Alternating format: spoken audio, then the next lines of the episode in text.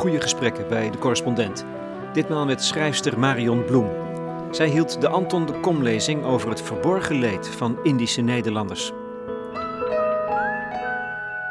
Ja, ik denk, ja, het is natuurlijk niet alleen maar leed, maar er is wel een uh, hoop leed. Ik denk, het leed op mede veroorzaakt wordt, uh, werd, wordt uh, door gebrek aan erkenning van hun leed. Ik denk, als je leed, als wat je mee hebt gemaakt, je traumatische ervaringen, uh, ja, niet gere gereflecteerd worden in, uh, in je omgeving, via de media, via wat je leest, hoort. En, en dan, dan uh, is, dat, is het extra zwaar. We zitten in haar weelderige tuin, ergens in de bosrijke omgeving van Midden-Nederland. Paradijselijk. Ja, voor mij is dit het paradijs. Dus jij bent nooit uitgestoten uit het paradijs? nee, ik heb het mezelf veroverd. het goed gedrag. Ik draag het grote Indische verdriet in mij, zo schreef Marion Bloem onlangs. Dat verdriet ontstond in de jaren vlak na de Tweede Wereldoorlog. In de kolonie ontbrandde een heftige strijd, aangevoerd door veelal islamitische vrijheidsstrijders. De grote groep van Indische Nederlanders kwam klem te zitten. Mensen met een gemengde afkomst, deels Aziatisch, deels Europees. 330.000 Indische Nederlanders ontvluchtten hun land, hals over kop, onder druk, in angst. In Nederland wachtte hen geen warm onthaal. Nederland was, was aan het uh, opbouwen en die had eigenlijk helemaal geen zin hierin. Die had de kolonie al niet willen afstaan, want als ze dat meteen hadden gedaan, was het een stuk makkelijker geweest. Uh, want dan denk ik dat er beter overleg geweest zou zijn, dat de haat uh, van de Indonesiërs naar de Indische mensen toe niet zo gegroeid was. En naar de Molukkers toe.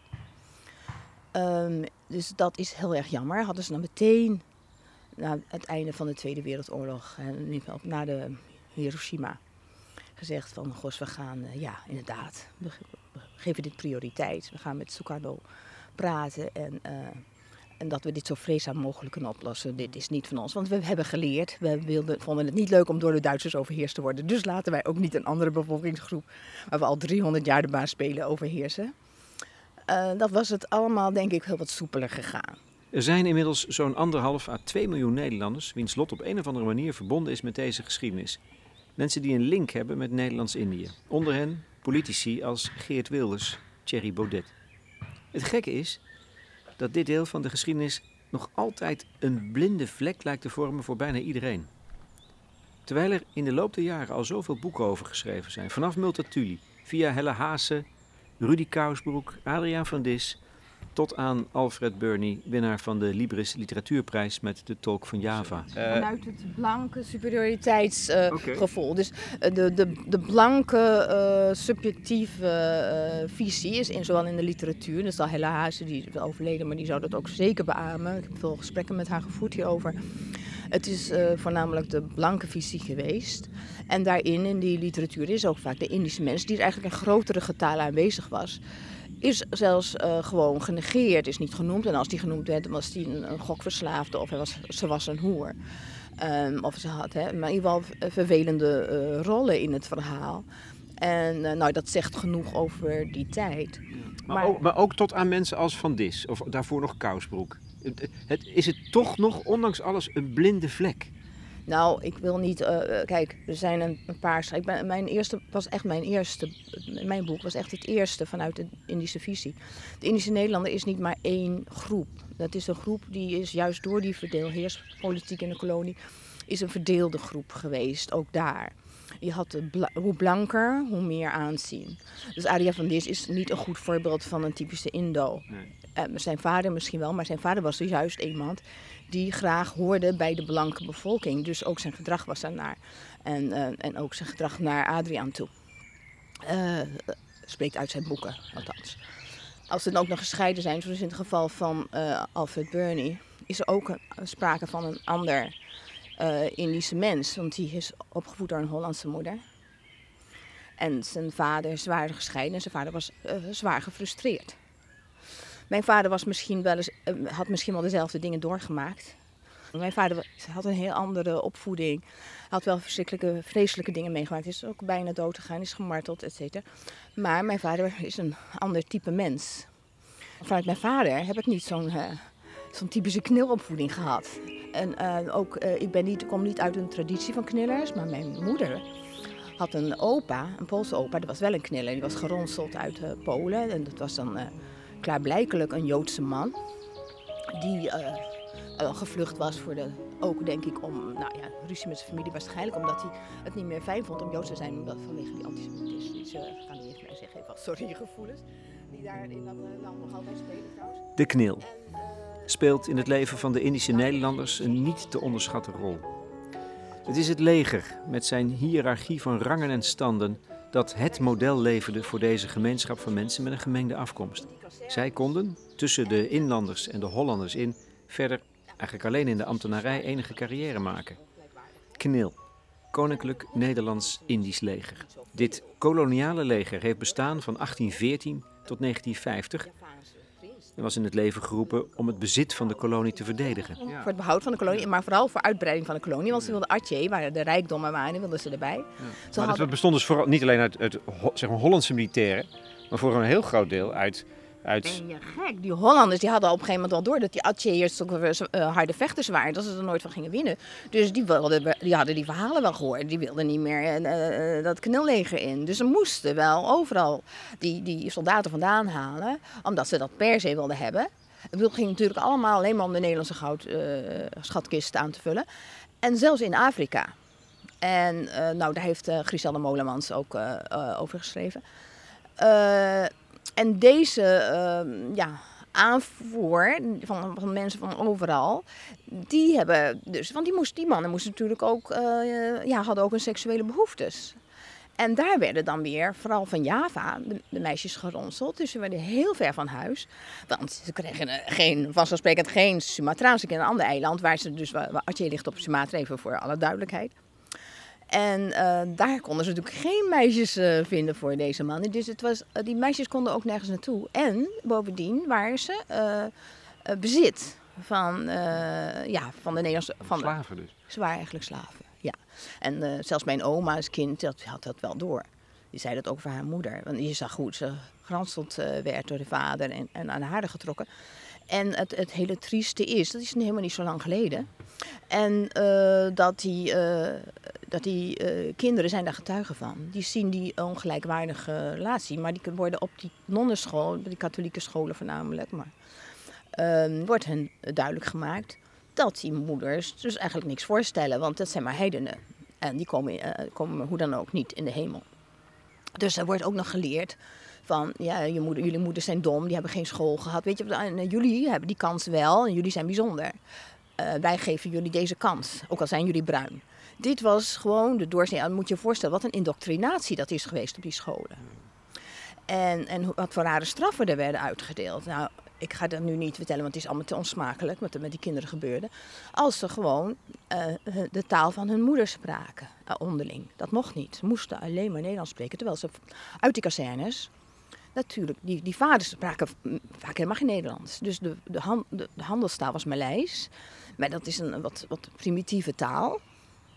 Daar is wel het Indonesisch uiteindelijk opgebouwd. Maar dat is een hele interessante, moeilijke grammatica. Dat kan ik niet spreken. Maar het Passamaleis is heel simpel. Uh, en uh, vaak spraken die, die, meisjes, die vrouwen, die jonge meisjes, dat helemaal niet. Want die spraken uh, de, de, taal van de streek. Meestal Javaans, maar soms Soedanees. Of nog een ander, als het ligt eraan waar ze vandaan geronseld waren. En die talen die zijn totaal anders. Dus uh, die kinderen die denken dus ook, oh mijn moeder kan niet behoorlijk spreken. Terwijl die, uh, de, opvoeding zo gericht was, dus op die, die, die scholen waren ja, bijna net als trainingskampen voor het knil, snap je. Er was een ongelooflijke hiërarchie op de eerste plaats. Dus ook dezelfde hiërarchie die overal was in de koloniale samenleving.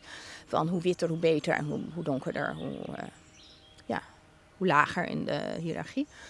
En, uh, en dat was ook zo voor wat betreft het krijgen van werk. En ja, als je in zo'n samenleving opgroeit, 300 jaar lang, het is, moet ik zeggen, toegenomen, de ernst van deze ja, de rassenwetten zijn eigenlijk pas echt ingevoerd na de opening van het Suezkanaal. Dat was in 18, uh, eh, denk ik, want ik ben niet goed in jaartal, 1876 of zoiets, of 79, maakt niet uit hè. Maar ergens daar, in ieder geval volgens mij net na de uh, afschaffing van de slavernij. En die, waar Nederland zich ook aanvankelijk niet aan hield. En toen kwamen er opeens heel veel Nederlandse vrouwen. En dat heeft ook het, de mentaliteit veranderd. Want die vrouwen, die, ja, laten we zeggen, misschien waren ze jaloers op die donkere vrouwen die die mannen dan zo makkelijk hadden verleid en misschien nog zouden verleiden. Vaak hadden die mannen die, die hun haalden al, al, al een vrouw. Uh, alleen hadden ze, waren ze niet mee getrouwd. En dan hadden ze al kinderen bij. Uh, want de, de rassenwetten hebben dat ook vaak verboden, maar dat ging op en af. Hè, dat hing van hoe... Toen kwamen er dus veel meer uh, blanke vrouwen. Die toen, werd die, uh, de kolonie werd dus veel Nederlandser. En toen gingen ze ook al die uh, etiketten, die regels invoeren. Vooral ook om te zorgen dat die Indonesische, dus dat ze toen inlandse vrouwen noemden, niet meer meetelden. Maar dus ook de Indo-Europeaanse Europeanen. Dus toen werd pas echt die hiërarchie ingevoerd. Van strakker, harder. En uh, dus dan spreek je toch van iets korter. Dus in het begin was dat minder. En zeker de Portugezen hebben er ook niet echt aan meegedaan. Ja. Portugezen vermengden zich veel gemakkelijker.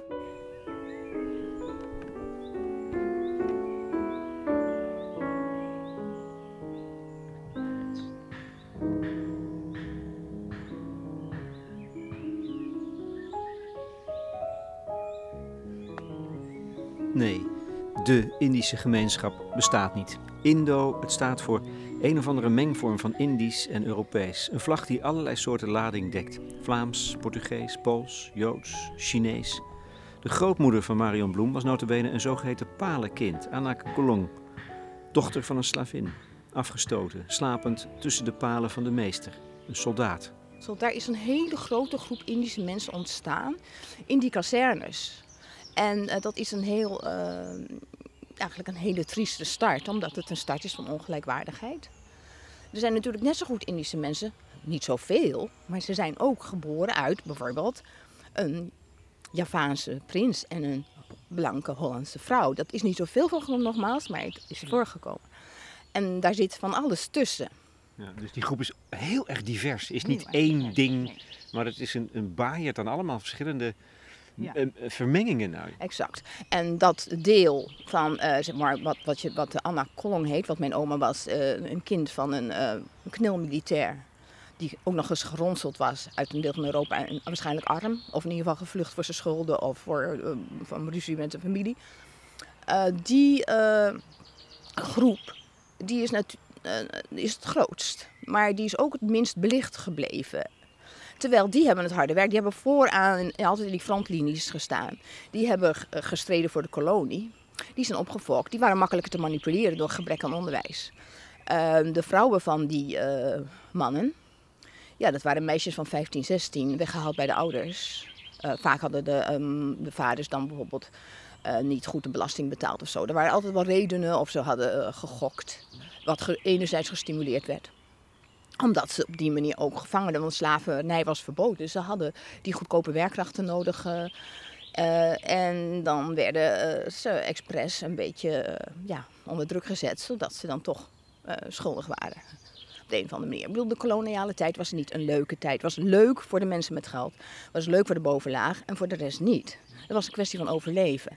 Nou, en, en als ik het heb over de Indische Nederlander in, in mijn verhaal en als ik erover schrijf, waar ik piëteit mee heb, is dat met die grote groep, die ontzettend gemanipuleerd is. Daar horen trouwens ook, daar horen ze niet bij, maar uh, ook de Molukkers zijn gemanipuleerd. Die konden eigenlijk, um, ja, die waren goede vechters. Die konden het meest verdienen, en dat was dan nog heel weinig, als ze uh, uh, ja, het knil ingingen.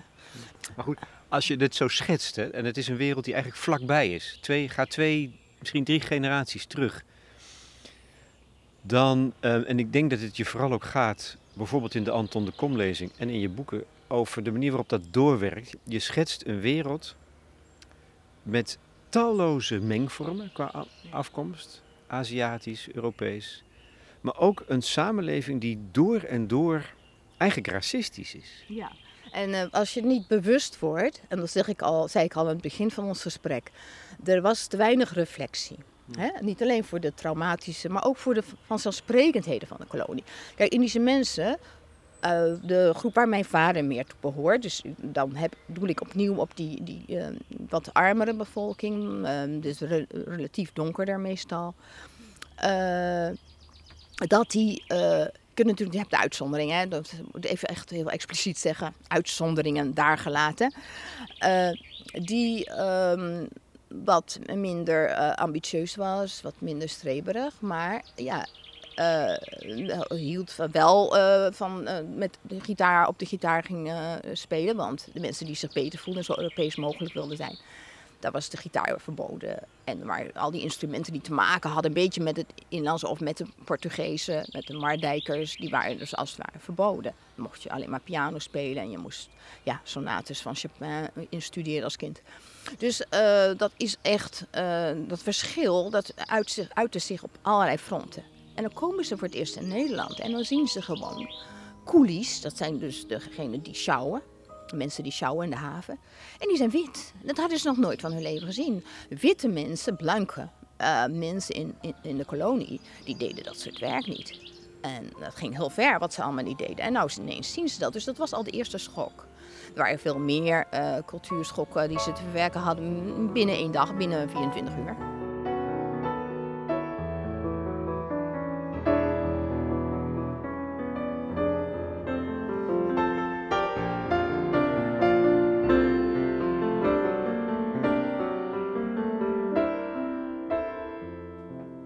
Prominent hangt in de keuken een foto van de ouders van Marion Bloem. Het verhaal van haar familie is exemplarisch. Gezien de geschiedenis is dit een foto die raakt. Ze zijn jong, verloofd, verliefd. Ze zien er gelukkig en fier uit. Ja, terwijl ze dus echt wel hadden meegemaakt. Ze- Toen al, net- ja. Ja. het was eh, niet echt heel lang naar, de, eh, naar Hiroshima. En eh, mijn moeder had eigenlijk de hele puberteit overgeslagen. Want die was eh, 12 toen de oorlog begon. En eh, was eh 15, toen tegen 16 aan. En eh, ja, geen schoolgenoten, was ze zo graag naar school ging. Bovendien was ze de donkerste van het gezin. Dus tegen haar werd altijd gezegd... eh, jij moet eh, goed je best doen, want jij bent zo donker. Jij moet de hoogste cijfers halen. Hè? En dan bij de blonde was het niet zo erg. Die kon gewoon lekker tennissen en dansen en zo.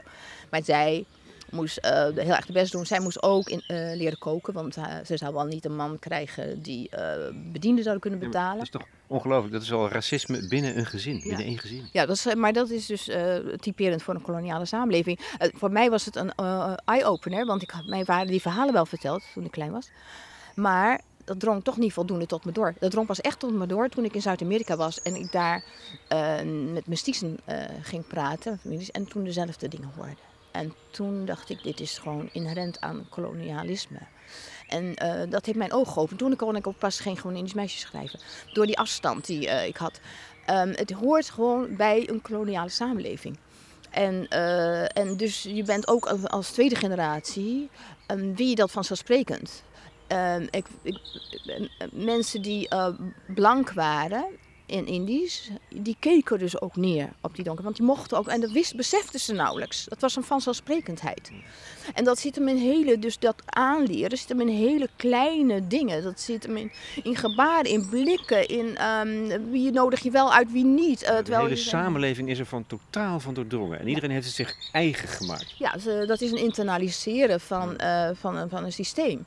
En dat is ook niet gek na 300 jaar. Want eh, ik was pas op de radio bij, ehm bij Onvertooid Verleden Tijd. En het was eh, eigenlijk heel leuk dat Auke, eh Auke Kok voor mij had over eh, de woede van de Nederlanders toen de Duitsers wonnen. Bij dat, eh, de eerste keer dat ze eigenlijk eh, uitkwamen op wereldniveau, eh, voetbal.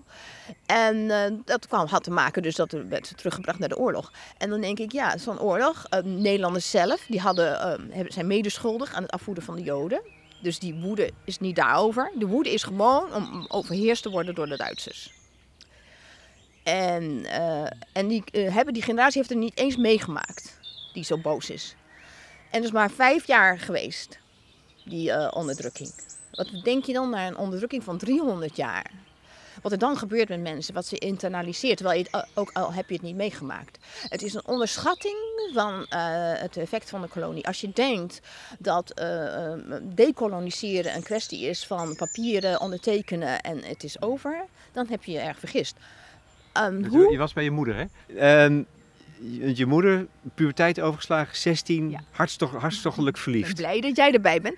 Ja, mijn moeder ehm, heeft dus die, eh, die, vooral die school, dat vond ze heel erg. Dus die eh, moest hem wachten en wachten vol ongeduld dat die school weer zou beginnen.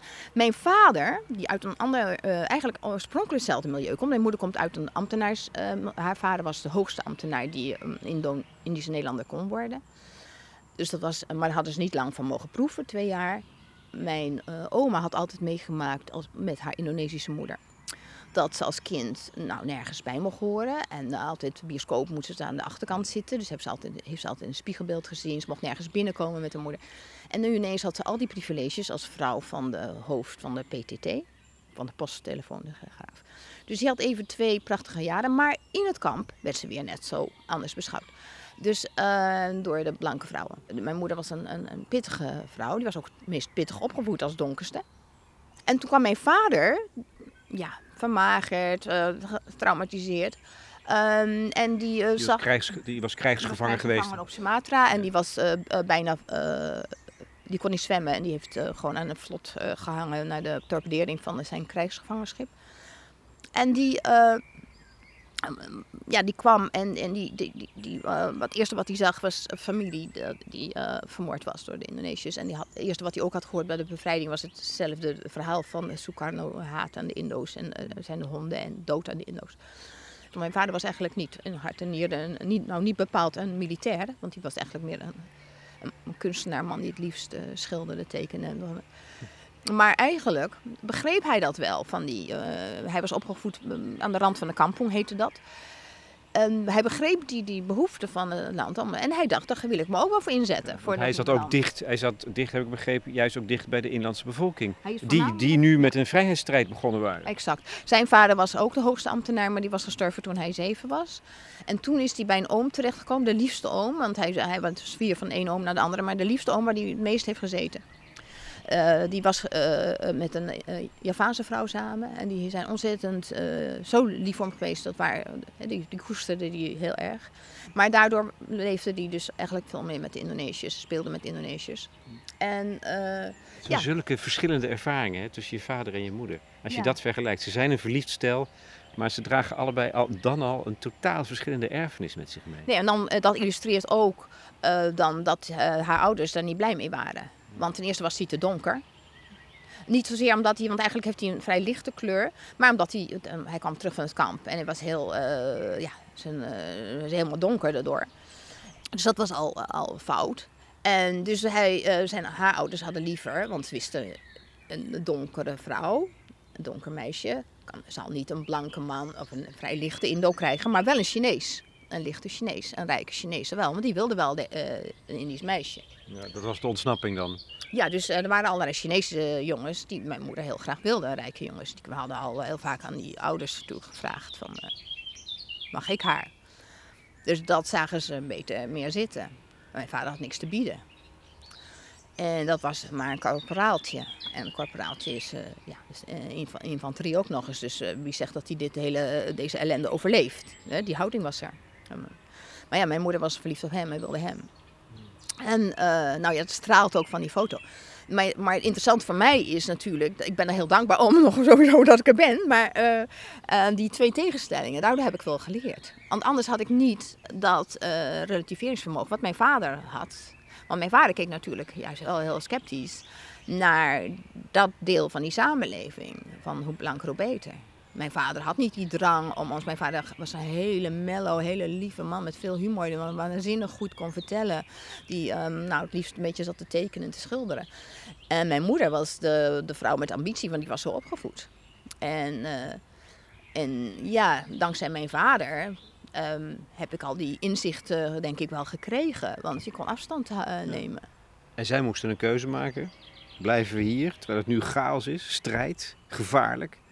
Gaan we naar Nederland? Onbekende bestemming. Dat is, ja. Ik denk dat heel veel gezinnen die, die vraag toen hebben moeten beantwoorden. In een veel te korte tijd. Want dat is wat ze ook allemaal over klagen. Dat het ook nog eens een keer zo snel moesten beslissen. Veel te snel. En uh, in een chaos. En uh, de eerste mensen die gevlucht waren, waren blanke Nederlanders.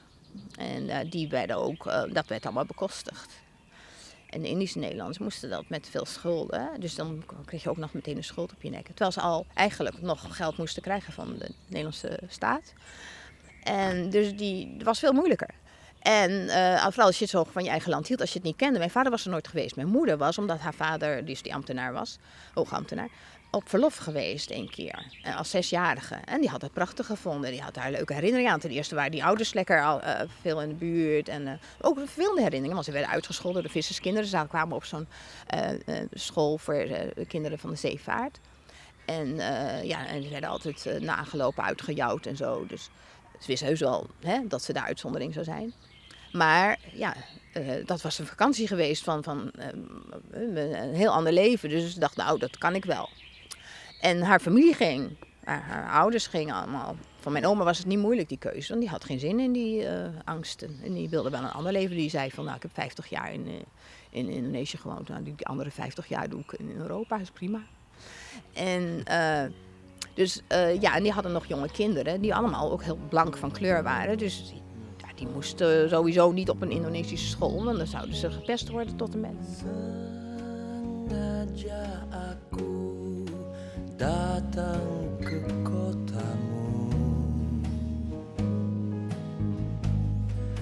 Lama tidak bertemu De vrouwen winnen. Het gezin komt naar Nederland. Tezamen met meer dan 300.000 andere Indische Nederlanders. Wat ze gemeen hebben met elkaar is een diep geworteld besef van racisme. Als je wat witter gekleurd bent en dus dicht op de huid van de Hollanders zit, dan krijg je meer kansen. Ben je donkerder, lijk je in dat opzicht meer op de Indonesiërs, dan wordt het een stuk moeilijker. Ze komen naar Nederland met hun ervaringen van onrecht en ongelijkheid, met gevoelens van verdriet en verlies.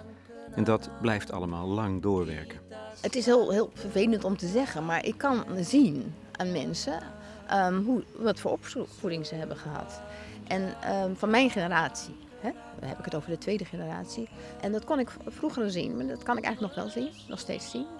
En er zijn heel veel die weten zelfs niks van. Die wilden niks weten, want dat was niet goed als je hier wilde overleven. Maar die hebben dan ook toch nog altijd dat trappetje in hun hoofd. Want, het, het trappetje van het racisme, zoals je dat ja, noemt. Ja, het trappetje van het racisme. Dus die hierarch, die, dat hiërarchisch denken is het. dat ik, noem het ik noem het gewoon echt racisme. Want dat is de bron daarvan. En die werkt door. En jij noemt dat steeds een, een trappetje van, het, van de hiërarchie. Omdat iedereen heeft een trappetje. Dus ook als je uh, alleen maar witte mensen in een ruimte zet... En je vraagt ze heel oprecht dan hoeven de andere mensen niet te weten. Dus vragen ze zichzelf in die ruimte te tekenen, um, hoog of laag ten opzichte van alle anderen. Dan zie je dat ze een, een trapje hebben. Mhm. En dan zie je waar ze vandaan komen en hoe ze denken. En hoe ze, alleen maar door die tekening.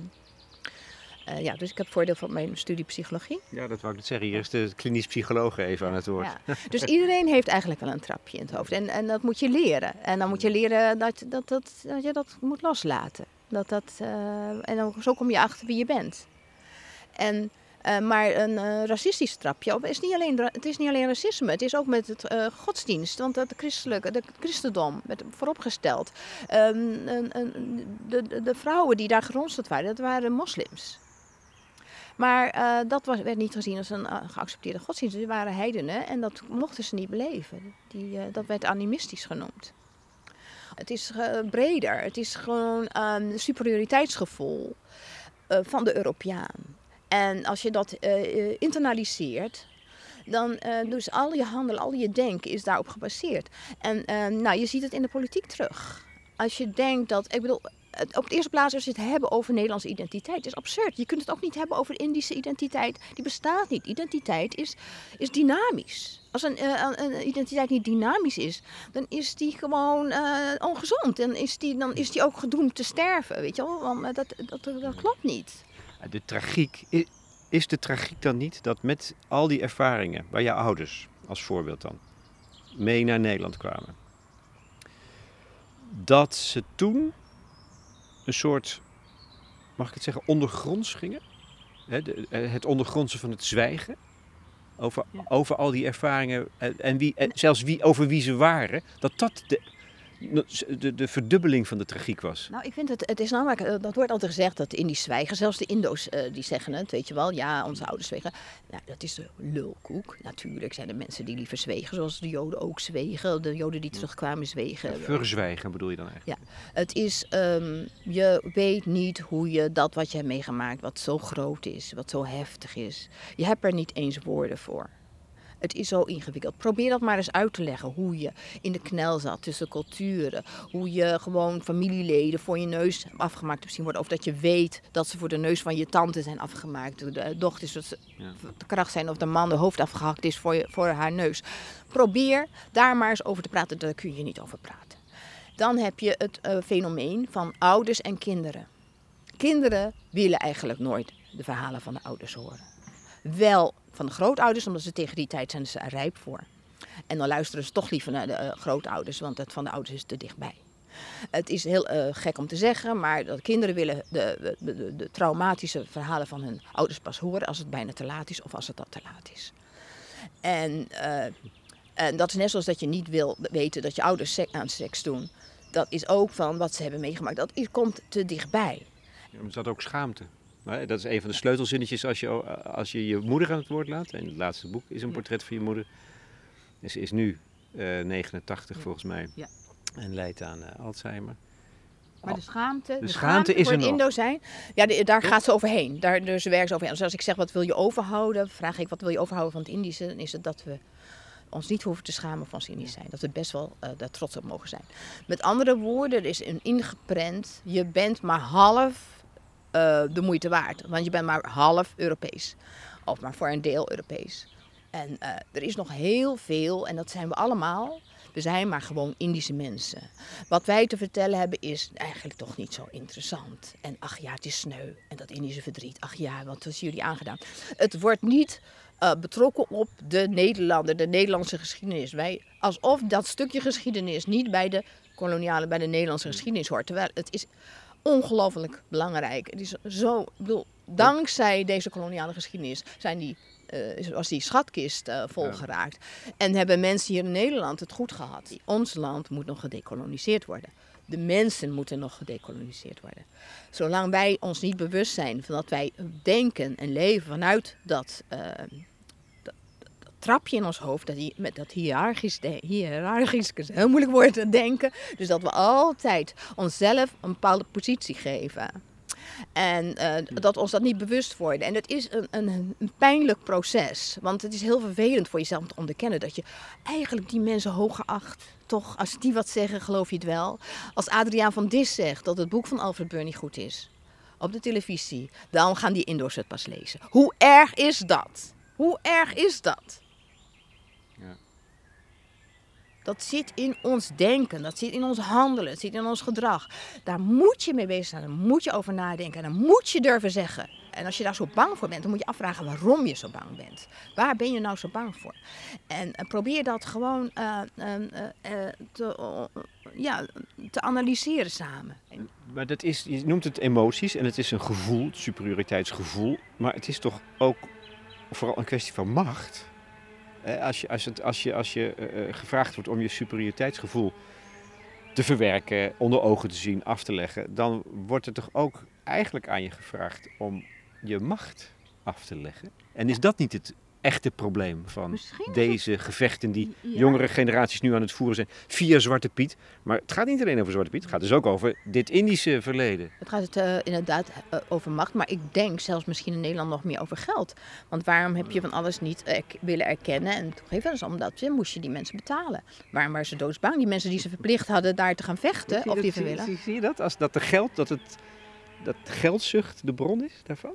Ik denk dat dat eerder is, ja. Dat is om te zorgen dat het in de doofpot wordt gestopt, want dan moet er weer betaald worden. Het is, uh, Nederland is altijd heel bang geweest om te moeten betalen. Terwijl we wel uh, naar het buitenland toe wel eisen, uh, van alles eisen en van alles verwachten. ik denk dat geld een nog grotere rol speelt, maar geld en macht gaan natuurlijk vaak samen. Sepanjang jalan kenangan, kita selalu bergandeng.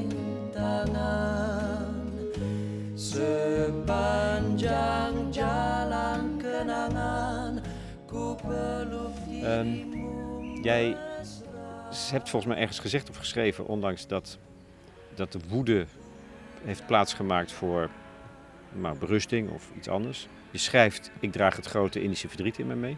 Als ik je zo hoor praten, voel ik vaak die woede juist nog wel weer naar boven komen borrelen. Hoe is dat dan voor jou als tweede generatie? Uh, hoe, hoe, nou, hoe, gaat het dan in de loop der jaren? Waar, waar zit je dan ergens nu? Nou, je herinnert me aan dingen die ik heb losgelaten. Dus door, door jouw vorige vraag was dat. Um, toen wij een film maakten, Ivan en ik, over uh, de deserteurs. Wij komen als vrienden. Toen hebben we zoveel ellende. Dus dan word ik aan herinnerd als we het gesprek voeren. Uh, tegengekomen. Want, want, Nederland heeft uitgevreten, kort gezegd. En uh, de, in de film komt dan nog, nog niet 5% aan de orde. Maar goed, die film die heb ik gemaakt. En ik was echt van plan nog veel meer te doen. Over dat stuk verleden, was misschien nog niemand toe was. Ik heb het over 1985. En toen was er iemand die ik eigenlijk hoog achtte. Voor de VPRO-column schreef en voor de Volkskrant. Die schreef uh, dat uh, hij persoonlijk voor zou zorgen, en die macht had hij, dat deze makers nooit meer een film zouden maken. Ik denk aan Jan Blokker. Maar, ja. ja. ja. Zo. Maar waarom dan? Waarom het is hem gelukt, hè? Ja? Um, nou, omdat hij heeft daar ook gezeten. Ja, dat ik uh, rakelde iets op. Terwijl uh, Remco Kamper, die schreef mij een bedankbrief nog dezelfde nacht dat hij het, uh, de film had gezien op tv. Op de type China. Dus um, ja, de, die verdeeldheid, die was natuurlijk ook hier. Een open zenuw dus. Zelfs bij iemand als Blokker, die toch een beetje als het soort geweten gold in die jaren dat hij ja. schreef voor de Volkskrant met zijn column. Ja, dus dat was een schok voor mij, ja. Dus het is stelselmatig ontkend gebleven. De, de, het stemgeven aan deze problematiek in, in, in de brede zin, dat is, tot, dat is dus echt tot op de dag van vandaag doorgegaan. Dus dat, dat trapje in je hoofd, gaat, dat, gaat het aanstaan, iedere keer weer. Probeer iedere keer weer gewoon eerlijk naar jezelf te zijn. En het andere is, laten we gewoon gastvrij zijn naar alle mensen die op de vlucht zijn. Ik weet van mijn ouders hoe erg het is om op de vlucht te zijn, je nergens thuis te voelen, verjaagd te voelen. En dat zelfs mensen waar je het van gedacht had dat ze wel zouden opnemen, dat die je niet opnemen. Hoe erg dat is. En laten we gewoon openstaan voor deze mensen die op de vlucht zijn. Ja. Denk je dat het ooit over zal gaan? Dat we daar ooit aan voorbij kunnen komen? Dat we het trapje achter ons kunnen laten? Ik was heel naïef in de jaren zestig. Ik vond het heerlijk, die, uh, die hippie-tijd. Niet dat ik een hippie was, maar gewoon het, het idee, geloof, de hoop dat, um, dat we echt een, naar een betere samenleving konden groeien. Ik ben heel erg gefrustreerd dat het op dit moment erger is dan in de jaren 50. Het uh, trapjesdenken. En, uh, en dat, dat, geeft weinig hoop. Ja, dat geeft weinig hoop. Dat etnocentrisch denken. Die angst, die angst voor de, um, en, en, de Nederlandse identiteit te verliezen, het behoud van identiteit, dat is absolute waanzin. Ik wil gewoon eerder me verplaatsen in die mensen. Proberen te verplaatsen in die mensen die schreeuwen uh, van uh, dat de grenzen dicht moeten. En hun angst begrijpen. En kijken wat ik kan doen op mijn manier om hen te helpen met naar die angst te kijken en over die angst heen te komen.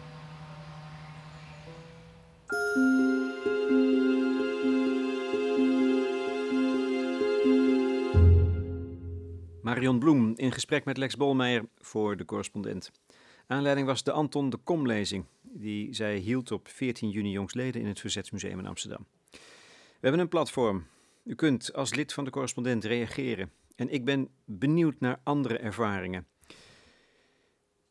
Hoe werkt ons koloniale verleden door in het heden? En hoe komen we eindelijk af van dat trapjesdenken in ons hoofd? Ik wijs verder met plezier op de podcastserie van de collega's, de Rudy en Freddy Show. In de laatste editie ontvangt Rutger Bregman de populisme-expert Cas Mudde. Die was even in Europa. Zeer behartenswaardig. Ten slotte, de muziek was van Chopin met een ironische knipoog, eerlijk gezegd. En een liedje Jalan Kenangan, gezongen door Willem Nijholt.